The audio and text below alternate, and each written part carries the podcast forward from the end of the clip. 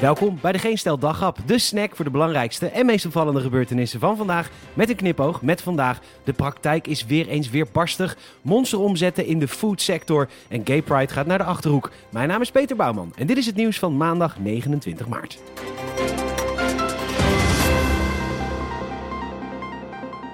Je gelooft het niet, maar het is toch gebeurd. Minister Hugo de Jonge was eens te optimistisch. En nu geloof ik niet dat alles altijd ondersteund moet worden met een kekker PowerPoint-presentatie. Maar het bierveeltjes gereken heeft nooit echt vertrouwen uitgestraald. De prognose voor het aantal vaccinaties vorige week klopte niet, dat meldt de NOS. De praktijk was weer eens iets weerbarstiger dan gedacht en dus werden er 285.000 prikken gezet de afgelopen week. En dat hadden er tussen de 400 en 500.000 moeten zijn. De komende week hoopt de jongen dan wel weer dat er tussen de 400 en 500.000 prikken gezet zullen worden. Dus als je dan tussen de 400 en 500.000 prikken zet, dan de week erop 600 en dan de week daarop 750.000 en dan een miljoen. En als we dat dan door... Ja, nou, in mei zijn we vrij.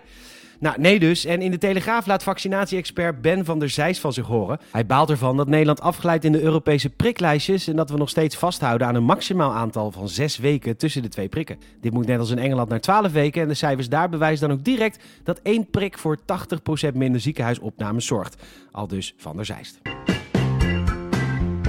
De een zijn pandemie is de ander zijn lang houdbare brood... De supermarkten verdienen bakken met klauwen en dat geldt ook zeker voor de aanmerken bij diezelfde kruideniers. Zij hebben de omzet met 10 miljard zien groeien, 10% meer dan 2019 en het beste resultaat ooit. Ook werd door de organisatie IRI de top 10 hamsterproducten samengesteld. Logische dingen als rijst, toiletpapier en soep. Maar ook dingen als houdbare melk, houdbaar brood en vis en blik. Ugh, ik eet nog liever niks.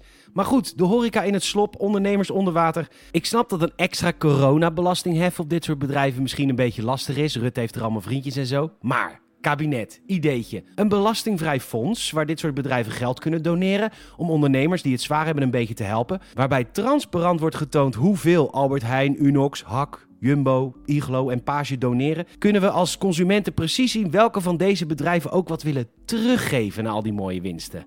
Het is maar een ideetje hoor. Het was een megaproces in Frankrijk, want de farmaceut Servier verkocht tussen 1976 en 2009 een afslankpil genaamd Mediator. Dat ging niet helemaal goed, want het goedje kostte aan honderden mensen het leven in het land. Al in 1999 kwamen de eerste signalen van bijwerkingen, zoals hart- en vaatziekten, dat meldt HLN. Maar toen werd het middel nog 10 jaar gewoon verkocht. Er zijn dan ook behoorlijke straffen uitgedeeld. De nummer 2 van het bedrijf kreeg 4 jaar cel. De nummer 1 had iets meer geluk, die is al even dood. Het bedrijf zelf krijgt een boete van 2,7 miljoen. En het Franse geneesmiddelenagentschap 303.000 euro. Doodgaan van een pil die je moet laten afvallen. Je kunt ervan zeggen wat je wilt, maar je wordt er wel lekker slank van.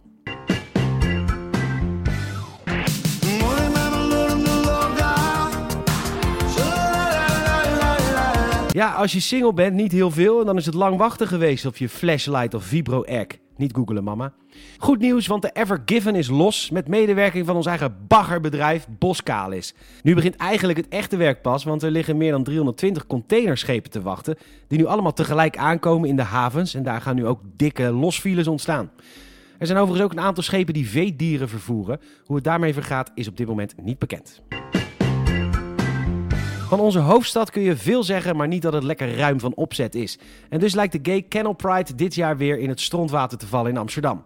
Tijd om te hulp te schieten, want burgemeester van Lochem wil de badsbootjes naar de Achterhoek halen.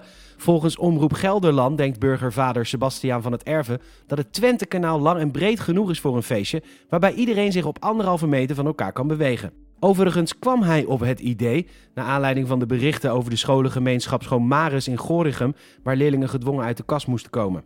Hoe het vormgegeven moet worden weet het Erven niet, maar hij zegt niet alleen te staan, want organiseren kunnen ze in de Achterhoek wel met onder andere de Zwarte Cross. Ja, dat vind ik echt machtig mooi hoor, die hoemoes. Alleen ben ik nooit op een homofeestje geweest waar men meer dan 50 centimeter afstand tot elkaar hield. Maar het is misschien ook wel weer eens leuk als het feestje ergens anders is. Bedankt voor het luisteren. Je zou ons enorm helpen als je een vriend of vriendin vertelt over deze podcast. En ook een Apple Podcast review zouden we enorm waarderen. Nogmaals bedankt voor het luisteren en tot morgen.